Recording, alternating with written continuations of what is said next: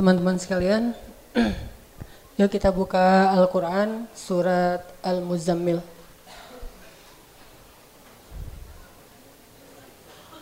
Ustadz Muzammil mana?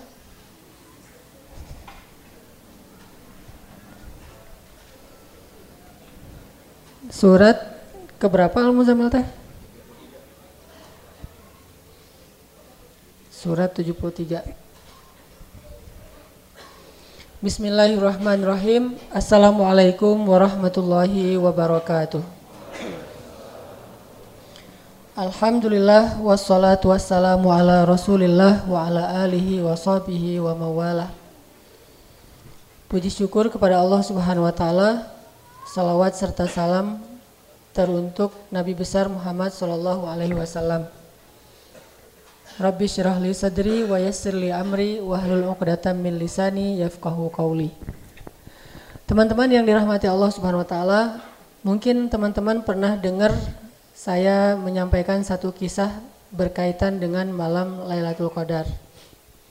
Bahwa pada suatu malam di bulan Ramadan Jibril datang kepada Rasulullah Shallallahu alaihi wasallam menyampaikan tentang kapan datangnya atau kapan jatuhnya Lailatul Qadar pada Ramadan kali itu.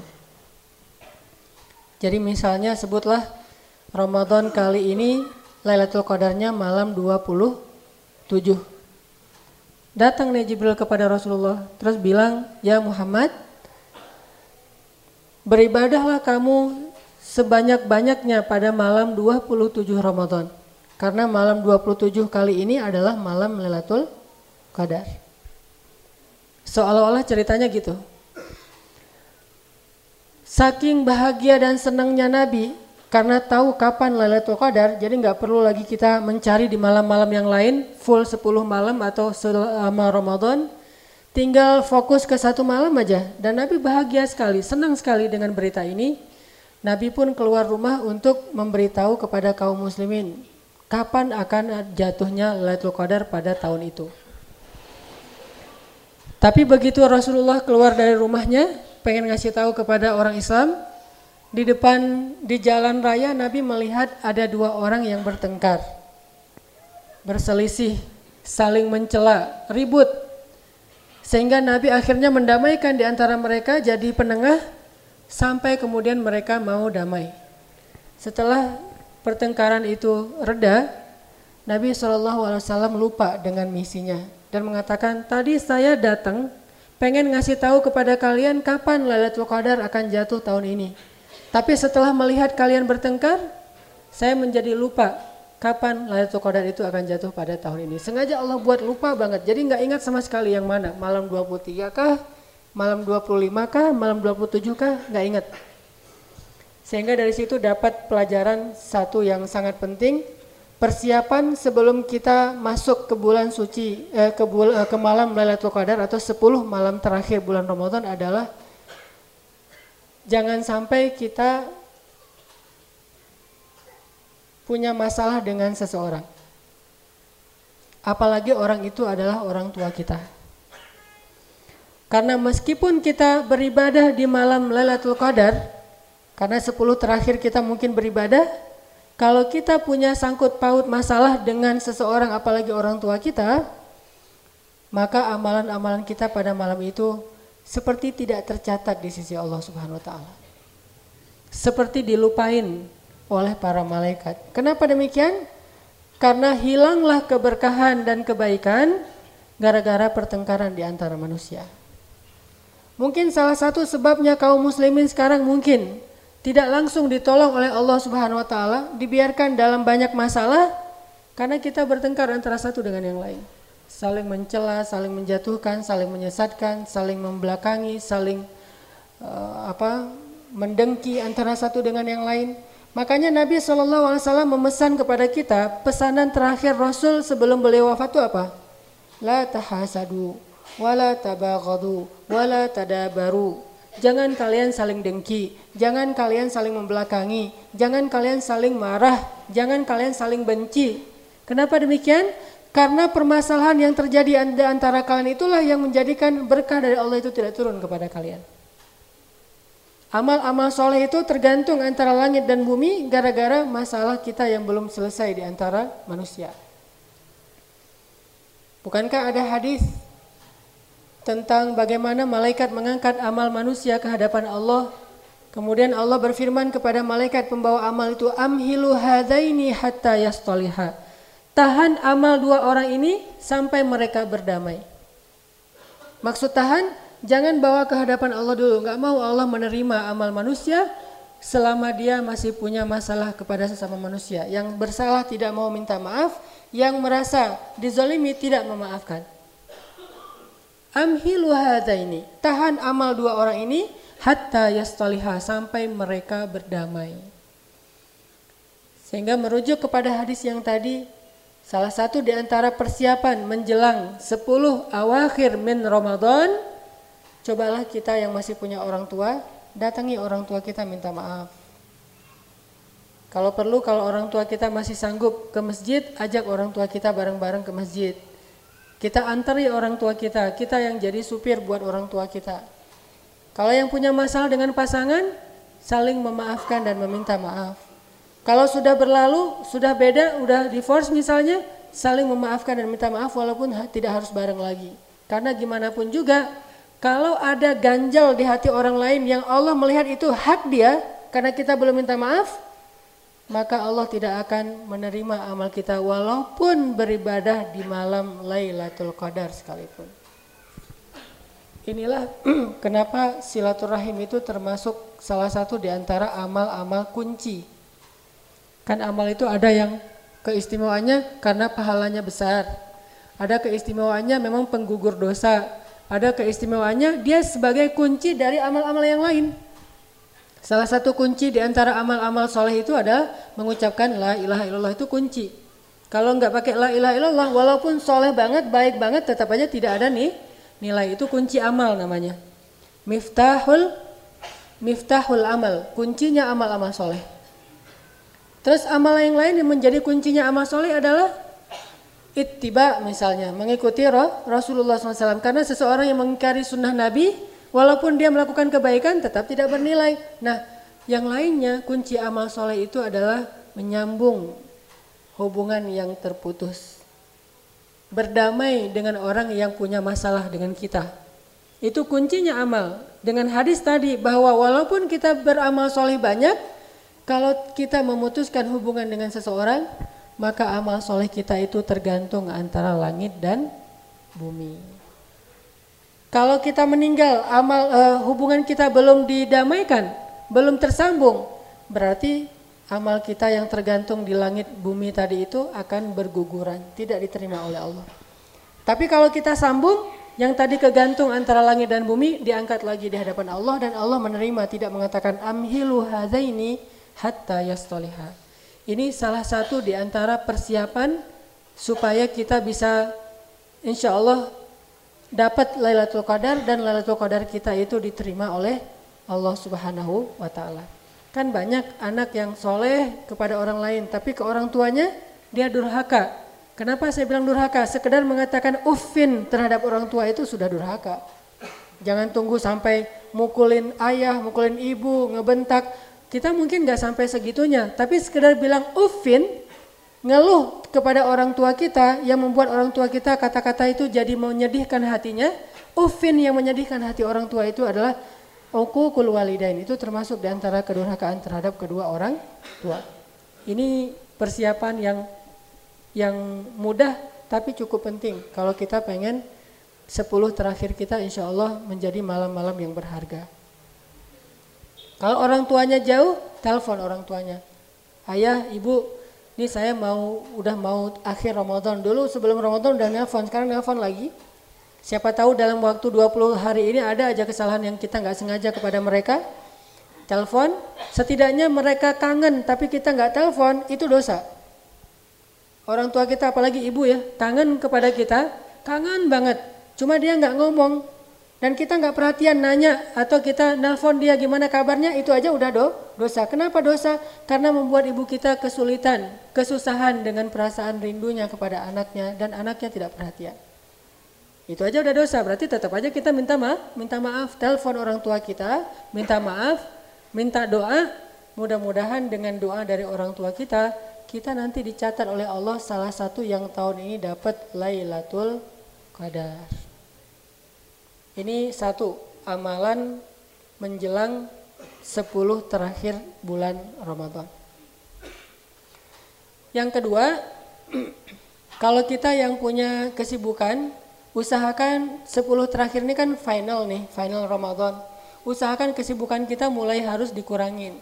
Karena agak-agak kewalahan kita bisa konsen khusyuk sholat di malam hari kalau siang hari kita banyak kegiatan. Kecuali memang nggak bisa ditinggalin kayak pegawai negeri atau apa, oke okay lah. Tapi kalau bisa semaksimal mungkin kita berusaha jangan sampai siang itu menyita konsentrasi kita di malam hari. Jangan sampai kesusahan kita, kelelahan kita di siang hari itu buat kita nggak lagi powerful sholat malam. Kalau kita kadang-kadang sesekali ninggalin taraweh di 20 malam pertama ini oke okay lah, masih bisa nggak taraweh tapi nanti bisa sholat malam misalnya. Atau sholat malamnya jam 3 malam menjelang sahur. Tapi kalau 10 malam terakhir kayak gitu juga kayaknya rugi nih. Seharusnya penampilan di final itu lebih bagus daripada di penyisihan. Jadi kalau di penyisihan kita udah habis-habisan di finalnya biasa aja, ada yang kurang rugi gitu. Makanya di final tuh harus lebih optimal lagi, lebih sungguh-sungguh lagi dalam ibadah malam. Jadikanlah 10 hari terakhir itu powerfulnya malam hari, siang mah nggak apa-apa. Misalnya siang istirahat, siang mungkin e, kegiatannya kegiatan santai, tapi malamnya ngejos gitu. Malamnya tuh ngegas banget. Memang 10 hari terakhir itu puncaknya di malam hari. Di siang hari tidak masalah kalau kita agak-agak santai. Tilawahnya malam hari, Tilawah siang hari oke, okay, tapi malamnya lebih banyak lagi tilawahnya. Eh, zikir siang hari oke, okay, tapi malamnya lebih banyak lagi zikirnya. Intinya hidupkan malam. Kalau bisa malam itu kita tidak tidur kecuali sebentar saja. Kalau udah nggak tahan sama sekali baru kita tidur, kemudian sisanya dipakai untuk beribadah. Dan tolong nanti di malam-malam terakhir bulan Ramadan ini kita nggak banyak ngobrol, nggak banyak chatting, tapi banyak zikir. Kadang Salah satu di antara fenomena kita kalau itikaf itu apalagi itikaf di antara teman-teman namanya juga itikaf geng gitu kan ya. Datang sama-sama gengnya sampai di sini ketemu sama teman-teman ngopi di teras misalnya atau di pojok masjid. Udah aja ngobrol. Nggak sengaja, nggak kita sadarin ternyata kita udah ngelewatin berjam-jam hanya dengan ngobrol. Walaupun nggak dosa mungkin dan duduk di masjid aja udah berpahala, tapi kan sayang kalau hanya ngobrol. Ngobrol sebentar, kecuali panitia mungkin untuk kemaslahatan bersama dia butuh koordinasi satu dengan yang lain. Tapi kita sebagai peserta banyak-banyak zikir aja deh. Karena zikir kita menjelang tahajud akan membuat khusyuk lebih terasa nanti ketika kita tahajud. Ini yang kita lakukan nanti di 10 malam terakhir yang akan dimulai kapan? Malam Ahad besok Malam, malam ahad ini sudah masuk malam 21 insya Allah. Sehingga sudah mulai final dari bulan Ramadan. Nah sekarang kita akan ngebahas tentang uh, beberapa keistimewaan yang Allah simpan di dalam ibadah-ibadah malam. Terutama ibadah uh, tahajud, sholat, apalagi yang kita lakukan di bulan Ramadan dan di 10 malam terakhir. Kita coba tadabur firman Allah di dalam surat Al-Muzammil. A'udzu billahi minasy syaithanir rajim. Silakan.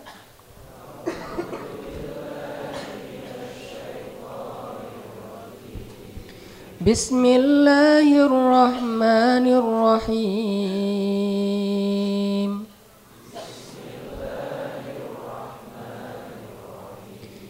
يا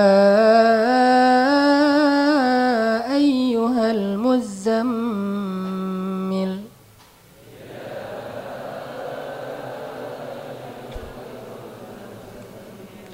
قم الليل إلا قليلا نصفه أو انقص منه قليلا.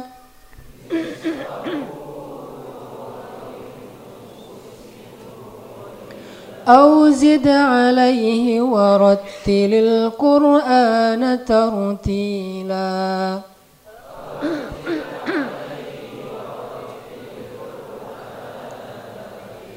إنا سنلقي عليك قولا ثقيلا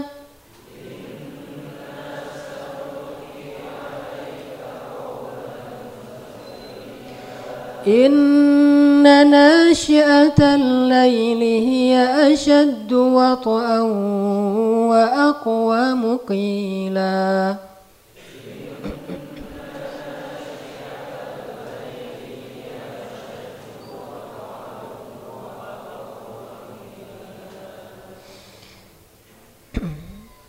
إن لك في النهار سبحا طويلا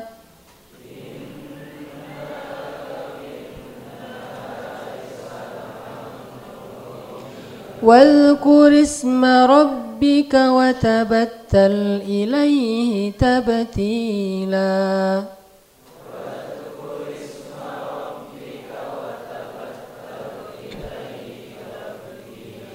رب المشرق والمغرب لا إله إلا هو فاتخذه وكيلا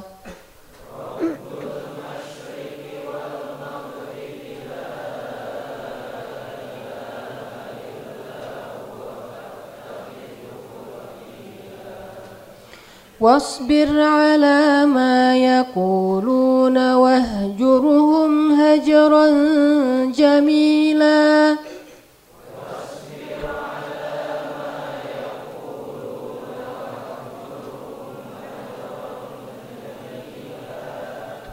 وذرني والمكذبين أولي النعمة ومهلهم قليلاً.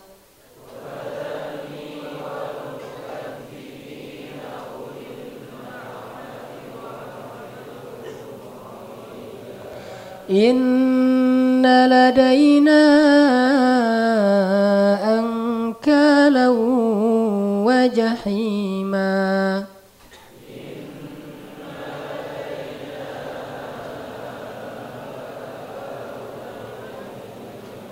وطعاما ذا غصة وعذابا أليما.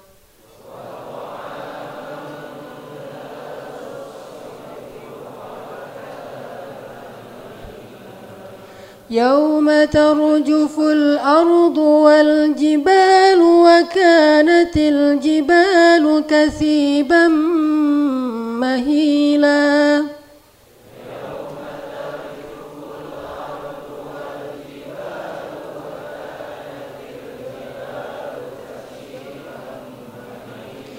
إنا أرسلنا شاهدا عليكم.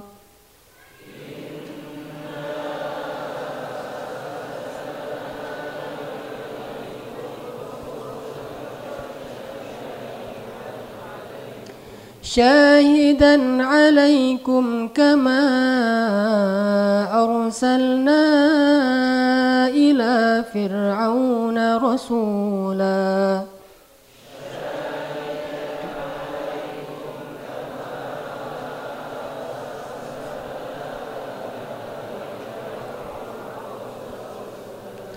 فعصى فرعون الرسول فأخذناه أخذا وبيلا.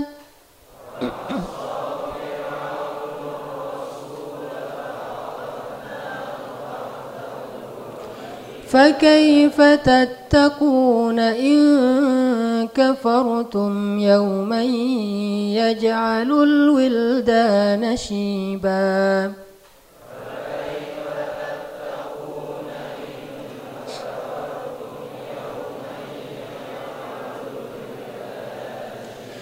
السماء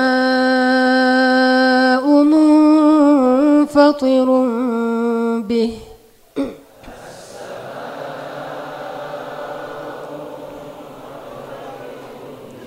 كان وعده مفعولا.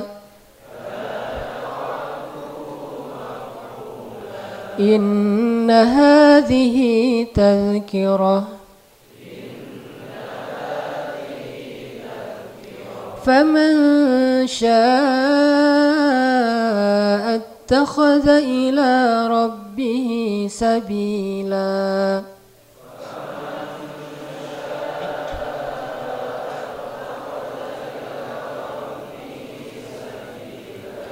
إن ربك يعلم أنك تقوم أدنى من ثلثي الليل.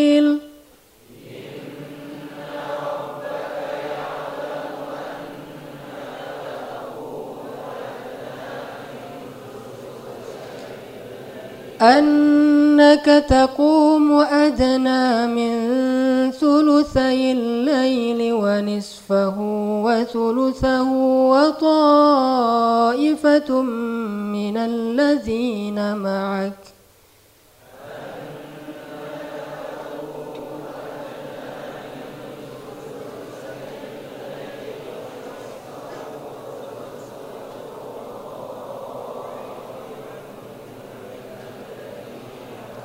والله يقدر الليل والنهار.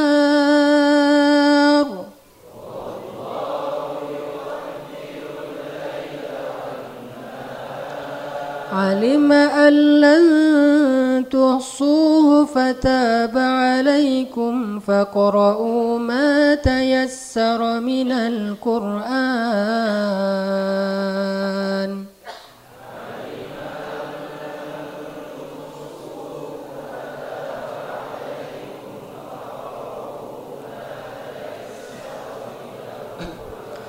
علم أن سيكون منكم مرضى وآخرون يضربون في الأرض يبتغون من فضل الله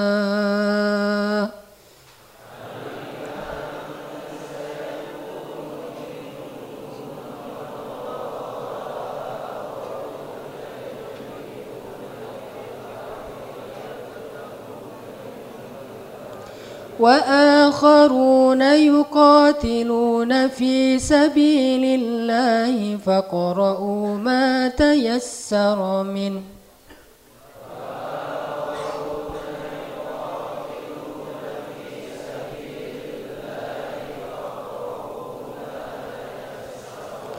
وأقيموا الصلاة وآتوا الزكاة وأقرضوا الله قرضا حسنا.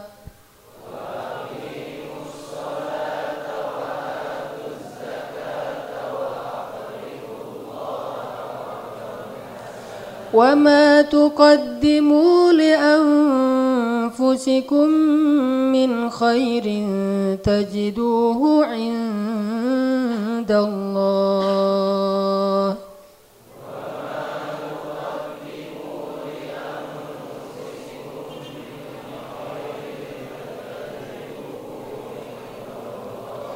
تجدوه عند الله هو خيرا وأعظم أجرا.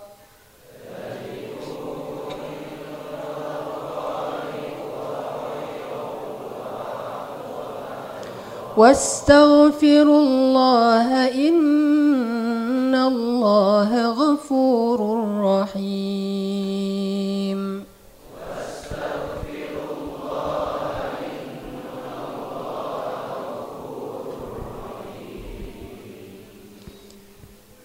Ya, surat Al-Muzammil. Apa uh, perintah yang paling terkenal di dalam surat Al-Muzammil? Hmm? Perintah apa yang paling terkenal di dalam surat Al-Muzammil? Perintah bangun malam atau taha, tahajud. Selain tema tahajud, kira-kira buat teman-teman yang pasti seringlah membaca surat Al-Muzammil, kira-kira ada tema apa lagi yang tersirat di dalam surat Al-Muzammil? Kalau yang tersuratnya adalah tahajud, ada yang tersirat enggak? Ya? Tilawah, oke, itu tersurat. Perintah membaca Al-Quran dengan tartil. Ada lagi nggak? Apa? Yang kencang? Menunaikan zakat, zakat, oke. Uh, tahajud, tilawah, zakat. Apa lagi? Surat Al-Muzammil ini kalau kita teliti lebih dalam sebetulnya surat tentang suami istri. Surat tentang suami istri. Terutama di sini ada pesan yang tidak tersurat tapi tersirat di dalamnya kepada para perempuan. Mana oh, perempuan. Salah ngelihat ke atas. Kepada para perempuan, para istri-istri nih Surat Al-Muzammil ini surat Makkiyah atau Madaniyah? Makkiyah artinya surat yang turun apa? Surat yang turun di Mekah atau surat yang turun sebelum hijrah? Sama enggak tuh? Beda. Karena enggak semua surat yang turun di Mekah itu Makkiyah. Ada surat yang turun di Mekah tapi namanya Madaniyah. Idza jaa nasrullahi wal fat. Tapi dia madani, madaniyah. Surat yang turun sebelum hijrah. Sedangkan madaniyah surat ini sekalian belajar tafsir ya. Surat madaniyah itu surat yang turun setelah hijrah. Kenapa hijrah jadi tonggak perubahan apa penanda bedanya nama surat? Karena hijrah itu adalah perubahan dalam strategi dakwah. Saking pentingnya hi, hijrah. Oke, kita balik ke surat Al-Muzammil. Surat Makiyah, artinya surat yang turun sebelum hijrah. Bahkan bukan cuma Makiyah, surat Al-Muzammil ini adalah surat yang salah satu surat yang pertama turun. Salah satu surat-surat yang pertama turun seperti Al-Fatihah, Al-Ikhlas, Al-Muzammil, Al-Mudathir, Al-Alaq, Iqra bismi rabbikal ladzi khalaq. Dia menjadi salah satu surat yang pertama-tama tuh turun. Kalau dia surat yang pertama turun, kira-kira waktu itu istri Nabi masih yang siapa? Khadijah. Jadi surat-surat Makiyah, terutama yang awal-awal, itu surat-surat yang turun ketika masih ada Khadijah di sisi Rasulullah. Rasulullah. Sehingga tetap di dalam surat itu ada selalu kayak pesan-pesan yang tidak tertulis tentang kehidupan Rasulullah bersama Khadijah. Jadi kalau kita pengen tahu hidupnya Rasulullah bersama Khadijah itu coba deh buka lagi lembaran-lembaran ayat yang turun di awal-awal risalah. Di situ kita bakalan tahu gimana sih rumah tangga Rasulullah dengan Khadijah. Salah satunya adalah surat Al-Muzammil dan surat Al-Mudathir. Ketahuan di situ gimana Khadijah. Nanti saya hubungkan dengan Ramadan. Apa artinya ayuhal muzammil? Wahai orang yang berselimut. Apa artinya ayuhal muddathir? Sama kan ya? Wahai orang yang berselimut. Tapi kok selimutnya beda merek? Yang satu ya ayuhal muzammil, hai orang yang berselimut. Yang satu lagi wahai ya ayuhal muddathir, wahai orang yang berselimut. Sama-sama wahai berselimut, tapi kenapa mudathir dan muzammil? Di Al-Latif udah ada muzammil, tinggal nyari al-mudathir Mudasir. Insya Allah ntar followersnya banyak juga nih. Mudas, mudasir. Sama-sama berselimut. Bedanya apa? Selimut dengan merek Muzamil dengan selimut bermerek Mudasir. Bedanya apa? Selimut merek Muzamil adalah selimut yang dipakai oleh Rasul ketika beliau merasa sangat sedih, lelah, kecewa di dalam dakwah. Jadi rasa sedih, galau, galau berat gitu. Kecewa ada masalah dengan orang lain, itu pakai selimutnya muzam, muzammil. Tapi kalau mudasir, selimut ketika Nabi dalam keadaan bingung, dalam keadaan ketakutan. Bingung, ini siapa yang datang kepada saya? Ternyata Jibril. Kenapa dia memeluk saya erat sampai saya sesak nafas sehingga Nabi ketakutan. Dasiruni, dasiruni, selimuti saya, selimuti saya. Dua kondisi Nabi dalam keadaan tidak nyaman di hatinya. Takut, bingung, galau, sedih, kecewa. Ketika Nabi Shallallahu Alaihi Wasallam dalam keadaan kayak gitu, ke mana Nabi pergi? Ke mana Nabi perginya? Pulang ke rumahnya. Lalu di rumahnya ke mana beliau pergi? Ke kamarnya. Lalu apa kata beliau kepada istrinya? dathiruni, zammiluni, selimuti saya, selimuti saya. Itu bukan ogoh ya, bukan bukan manja, tetapi itulah salah satu di antara peran seorang perempuan kepada suaminya ketika dia pulang berdakwah, pulang bekerja, pulang mencari nafkah. Sehingga ada satu pesan dari ulama di antara amal soleh seorang perempuan itu adalah menanti kedatangan suaminya. Bukan nanti di pintu terus udah datang, oh ya udah udah datang udah ya beres ya, nggak gitu.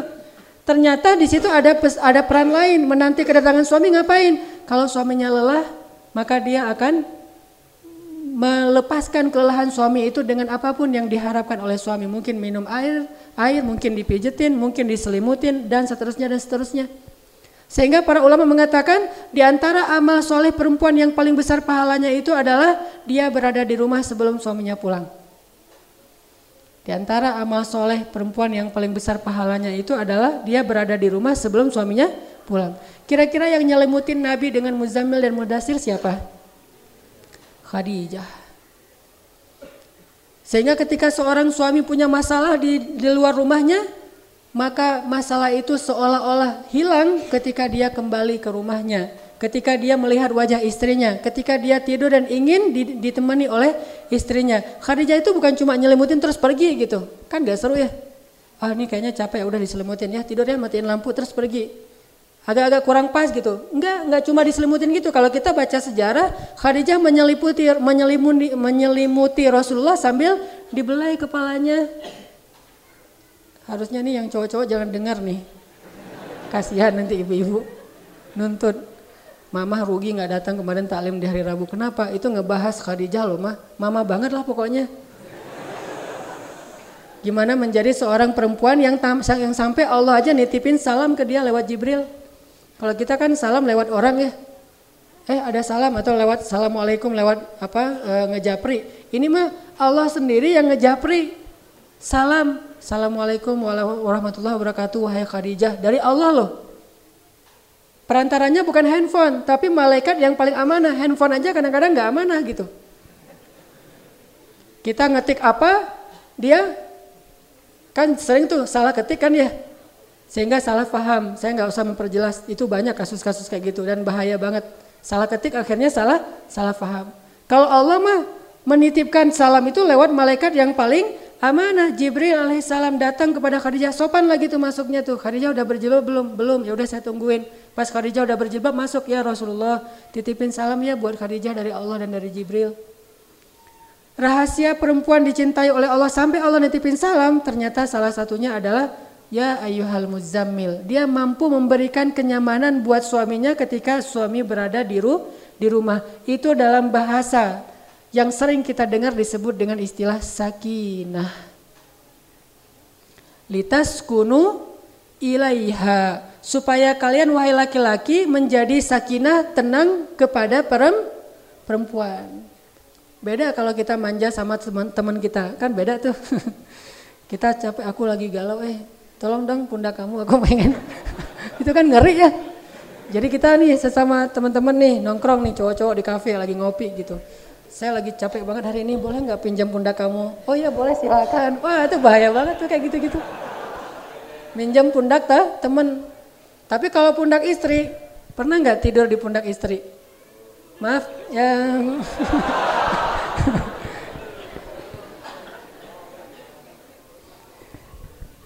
itu keren banget. Saya saya tahu banget ternyata tidur di atas pundak istri itu melepaskan lelah benar kata Allah. Ya ayuhal muzammil. Nggak harus diselimutin. Diselimutin mah bab lain lah ya. Ini nggak diselimutin aja udah hilang semua masalah. Jadi benar kata Allah tujuan dari pernikahan itu biar cowok-cowok itu ada tempat pulang ada tempat kembali melepaskan lelahnya. Litas kunu ilaiha supaya kamu merasa sakinah kepada perempuan. Dan tempat tinggal perempuan itu bahasa Arab apa? Maskan sama dengan kalimat sakinah. Dari akar kata yang sama tapi berubah secara gramatikal. Perempuan yang memberikan ketenangan bagi suami berarti dia telah menanamkan sakinah di dalam hati suami dan itu tujuan pernikahan. Dan tempat perempuan menanamkan sakinah itu bukan di tempat yang lain tetapi di dalam rumah. Sehingga rumah dalam bahasa Arab disebut dengan maskan. Artinya surat Al-Muzammil ini adalah surat tentang keistimewaan Khadijah yang tidak tersurat secara jelas tetapi tersirat jelas sekali tuh. Kalau kita baca kapan ini turun, lalu dalam keadaan apa dia turun, lalu siapa yang nyelimutin Nabi kan harusnya kita nanya gitu ya, penasaran dengan Al-Quran. Kalau baca jangan cuma baca terjemah terus pelajaran, coba agak-agak kepo gitu. Ini ayat uh, surat Makiyah Madinah ya, oh Makiyah gitu. Kalau Makiyah ini Makiyah yang keberapa? Oh ternyata salah satu di antara lima ayat surat yang pertama turun berarti Khadijah banget dong.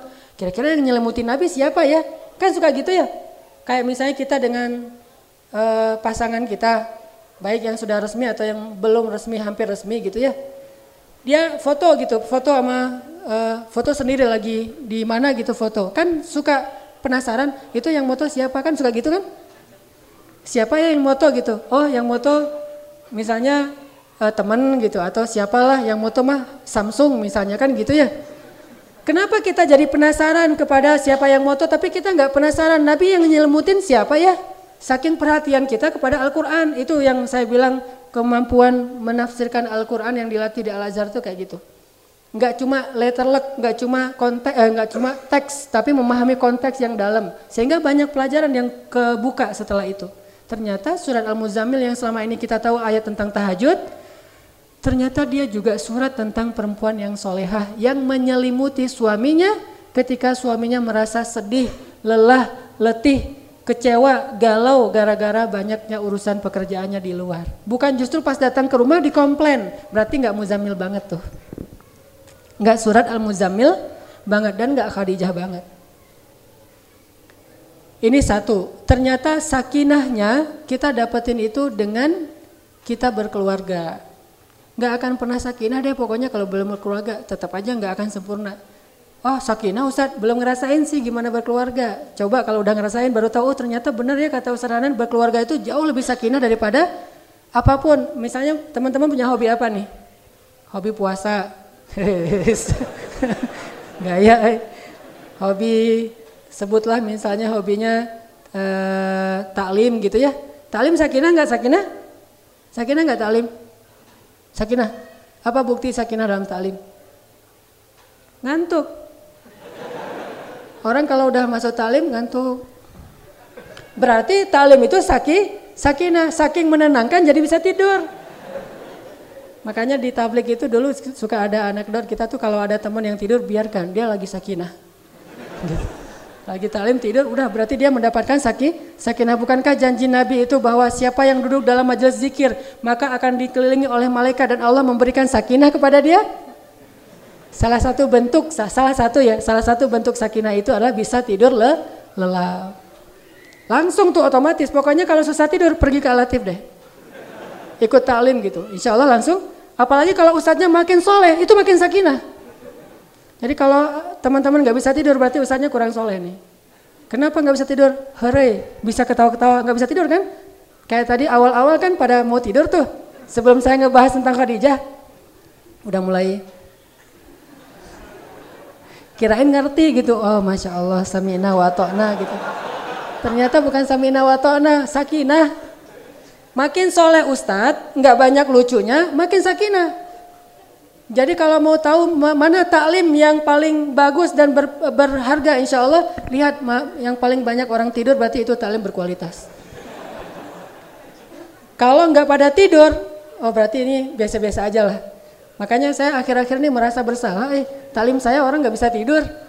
Mulai ketawa-ketawa, mulai nggak jelas gitu, mulai banyak cerita-cerita lucu. Ayo kita balik sakinah lagi ya. Siap sakinah? Jadi teman-teman sekalian. Oke, okay, Khadi, Khadijah. Ternyata berkeluarga itu adalah salah satu tujuan dari uh, salah satu cara untuk kita ngedapetin sakinatun kulub, mendapatkan ketenangan dalam hati kita dan tenangnya tuh luar biasa, beda aja pokoknya. Disentuh oleh istri itu baru disentuh gini doang, itu udah teng gitu. Tengnya apa? Hati kita jadi tenang. Jangan mikir yang lain-lain. Hati kita jadi tenang. Baru disentuh gini. Kenapa ada masalah apa di luar? Ah nggak ada masalah. Nah, tapi kalau dia nggak nyentuh ada masalah apa di luar? Oh masalahnya banyak banget. Pas disentuh gini, hup, nggak nggak ada masalah apa-apa. Jangan langsung kayak orang kayak handphone lagi dering terus diangkat gitu, langsung diem. Itu benar-benar sakinah. Dan itu saya ngebuktiin sendiri, luar biasa. Makanya insya Allah ya habis lebaran kita akan ada program eh, program asiknya tuh rame-rame dengan tagline nikah bareng-bareng. Programnya asiknya tuh rame-rame tapi tagline-nya nikah bah, nikah bareng. Saya nggak mau bilang nikah masal nggak keren, nikah bareng deh. Nanti kita akan bikin program nikah bareng teman-teman mulai coba ancang-ancang dari sekarang, siapkan CV segala macam. Insya Allah bulan September minimal 100 orang yang ikut pengajian di Al-Latif udah nikah.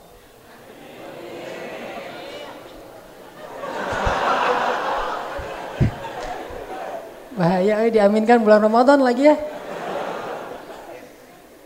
Itu. Uh, terus yang kedua, gimana cara ngedapetin ketenangan? Ada ketenangan yang lebih besar daripada pernikahan ternyata. Jadi orang kalau udah nikah, apalagi nikahnya uh, karena cinta ya, bukan nikah karena uh, pernikahan politik misalnya atau pernikahan terpaksa, pernikahan Siti Nurbaya, tapi ini nikahnya nikah cinta, Nge ngeklik banget gitu, nikah nih, luar biasa pokoknya. Enggak, kayaknya dunia ini nggak ada masalah. Tapi ada satu lagi yang lebih tenang daripada menikah, yaitu kumil laila illa qalila. Nabi kan udah tenang nih, udah tenang dalam dekapnya Khadijah, dipeluk oleh istri yang solehah, cantik, bijaksana, pintar. Khadijah itu udah sempurna banget lah sebagai sosok is, istri. Rugi banget laki-laki yang dulu ditolak oleh Khadijah, ngelamar Khadijah ditolak, ngelamar Khadijah ditolak. Betapa beruntungnya Rasul mendapatkan Khadijah, walaupun lebih beruntung lagi Khadijah mendapatkan Rasul. Jadi Rasulullah itu didekap oleh seorang perempuan yang sesoleha Khadijah, cantik, bijaksana, cerdas, taat, dicintai Allah. Itu udah nggak mungkin nggak tenang, udah tenang langsung, hilang semua masalah. Tapi ternyata masih disuruh bangun kan? Gimana pun tenangnya dalam pelukan seorang istri yang soleha, Allah mengatakan kum, bangun. Kumil laila illa qalila. Walaupun cuma sebentar. Kenapa? Allah pengen ngasih kepada kita sesuatu yang lebih indah daripada pelukan istri. Apa yang lebih indah daripada pelukan istri? Kumin laila illa qalila. Kalau sholatnya bisa khusyuk, itu lebih indah daripada pelukan istri. Kalau bahasa kasarnya, ini nggak ada yang di bawah 17 tahun kan? Ada yang di bawah 17 tahun? Nggak berani angkat tangan? Ya udah. Kalau bahasa kasarnya, sholat malam itu lebih keren daripada bercinta. Sholat malam itu lebih keren daripada ber, bercinta. Bagi siapa? Bagi orang-orang yang solih. Sehingga Nabi SAW dengan Khadijah ayatnya ya ayuhal muzammil lagi didekap nih oleh Khadijah, lagi dibelai oleh Khadijah, udah tenang dalam pelukan Khadijah. Kata Allah, kumil laila illa qalila. Bangun wahai Muhammad, wahai orang yang berselimut bangun. Langsung Nabi bangun. Kenapa? Karena beliau yakin sholat malam itu lebih indah daripada dipeluk oleh Khadijah. Walaupun dipeluk oleh Khadijah itu suatu anugerah yang luar biasa. Cerita yang kedua, selain Al-Muzammil dan Al-Mudathir, Nabi dipeluk oleh istrinya. Kali ini yang bukan cuma cantik, tapi juga masih muda. Satu-satunya perawan yang dinikahi oleh Rasulullah yaitu Aisyah. Tapi dia hadis, bukan ayat. Sama juga gitu. Kata Aisyah, suatu malam ketika aku sedang tidur bersama Rasulullah. Enggak kayak gitu hadisnya. Ketika Rasulullah tidur bersamaku. Artinya Rasulullah senang kepada eh, kepada Aisyah, tidur bersama Aisyah dan malam itu mereka melakukan hubungan suami istri. Kemudian Rasulullah tidur bersama Aisyah. Tiba-tiba Rasulullah mengatakan, "Biarkan aku menghadap Tuhanku." Baru aja tidur sejam mungkin atau dua jam, biarkan aku menghadap Tuhanku. Bangun Rasulullah tuh. Bisa-bisanya dalam keadaan teler berat, tapi beliau bangun juga karena beliau yakin ada yang lebih nikmat daripada sekedar tidur bersama istri yang cantik seperti Aisyah yaitu sholat malam. Biarkan aku menghadap Tuhanku. Bangunlah Rasulullah mandi, kemudian beliau sholat. Kata Aisyah, baru saja beliau berdiri, maka beliau sudah menangis dan air matanya membasahi janggut beliau. Baru saja beliau berdiri, suara di dalam dadanya itu seperti air mendidih. Saking luar biasa Nabi terisak-isak menangis kayak orang sesek nafas gitu. Kemudian beliau membaca ayat. Setiap sampai di ayat-ayat tentang kebesaran Allah, beliau bertasbih, beliau bertahmid. Kalau ayat sampai di tentang ayat neraka beliau bertawuz. Kalau ayat eh, sampai di ayat surga beliau berdoa. Kemudian beliau ruku. Rukunya sepanjang beliau berdiri. Kemudian beliau sujud. Sujudnya sepanjang beliau berdiri. Dan seterusnya sepanjang malam. Ini artinya bagi orang yang soleh, orang yang cinta kepada Allah Subhanahu Wa Taala, maka waktu yang paling istimewa itu adalah waktu ketika dia datang di hadapan Allah berdua saja, tahajud. Sholat malam, membaca Al-Quran, berdoa, berzikir, itu lebih indah baginya daripada tidur bersama istri yang solehah dan cantik. Kalau kita belum ngerasain itu, berarti kita masih kurang soleh.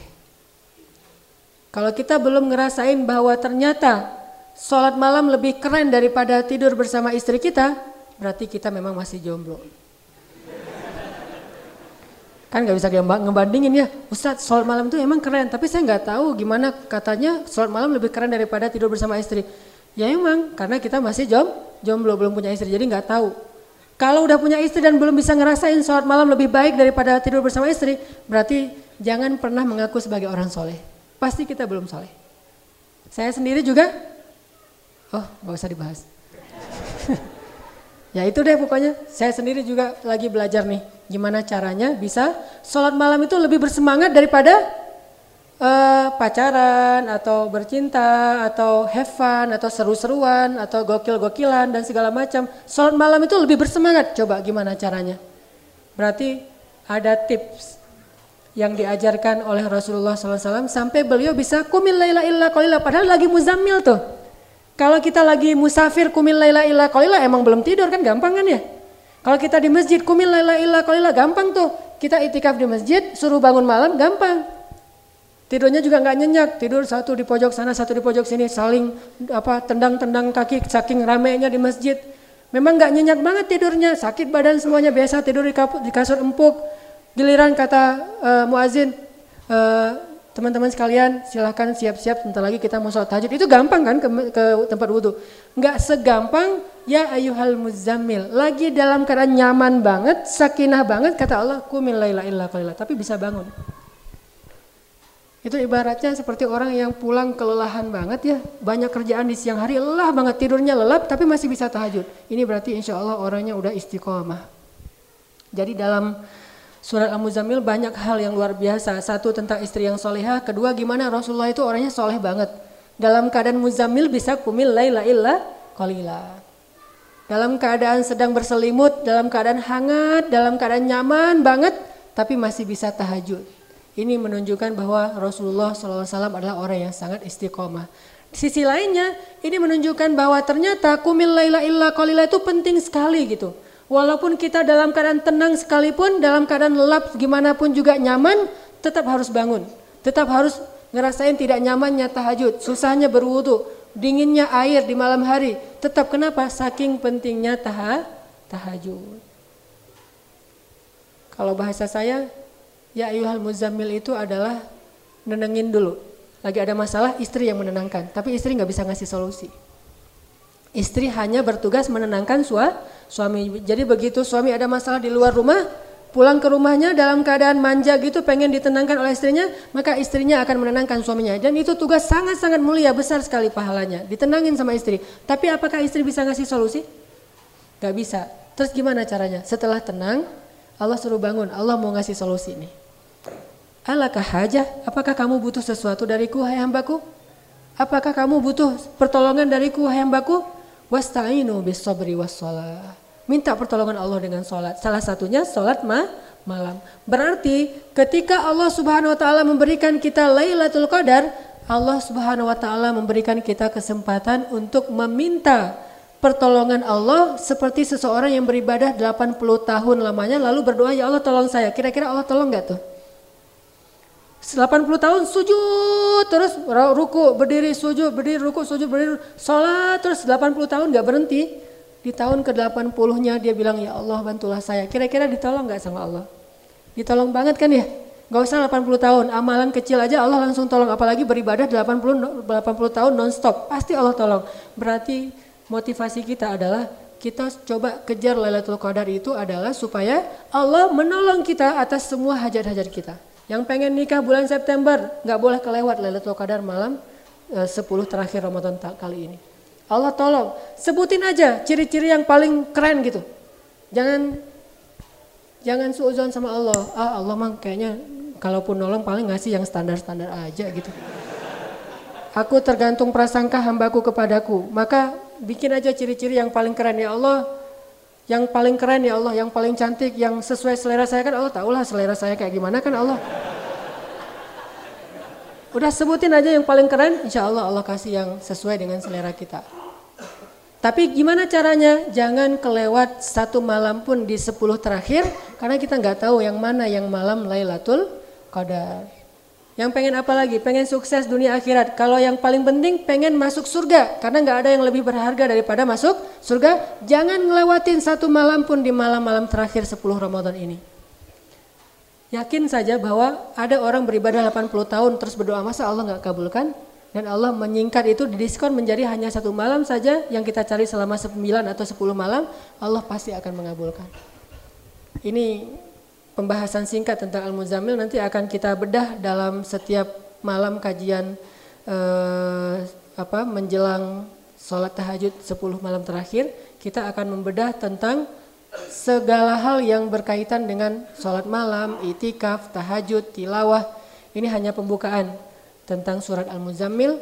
Di situ ada sedikit tambahan gimmick tadi tentang istri yang soleha, tapi disambungkan dengan Ramadan ternyata uh, Rasulullah itu istiqomah banget gimana pun nyaman beliau tinggalkan kenyamanan demi mendapatkan uh, ridho Allah swt.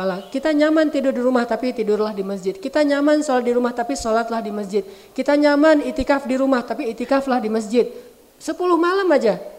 Nanti uh, lebaran bebas deh istirahat deh. Gak usah itikaf di masjid juga gak apa-apa. Gak usah tahajud di masjid juga gak apa-apa. Tahajud di rumah aja masing-masing. Tapi sepuluh malam ini paksain aja deh. Nggak akan tenang, nggak akan nyaman, nggak akan se seenak di rumah, nggak apa-apa. Kumil illa qalila. Walaupun kalian selama ini selama 11 bulan muzammil. 11 bulan dalam keadaannya nyaman. Jadi jangan cari nyaman ya nanti pas kita itikaf, ah di masjid nggak nyaman, di masjid kurang ini, kurang itu. Jangan cari nyamannya. Kalau cari nyamannya di rumah. Apalagi rumah itu namanya maskan. Apalagi kalau di rumah itu ada seorang saki, sakinah kalau yang nggak ada sakinah di rumah berarti sama aja kan ya di rumah dengan masjid. Ya udah nggak usah terlalu banyak berharap ya. ah di masjid nggak nyaman, di rumah juga nggak nyaman. Orang nggak ada sakinah di rumah sama aja. Jadi carilah ridho Allah, ibadah yang optimal bukan mencari kenyaman, kenyamanan. Insya Allah nanti terus akan kita coba motivasi dengan ayat dan hadis-hadis supaya sholat kita semakin khusyuk di 10 malam terakhir. Ya, selima menit lagi mau berbuka puasa, kita siap-siap. Barakallahu li walakum. Wassalamualaikum warahmatullahi wabarakatuh.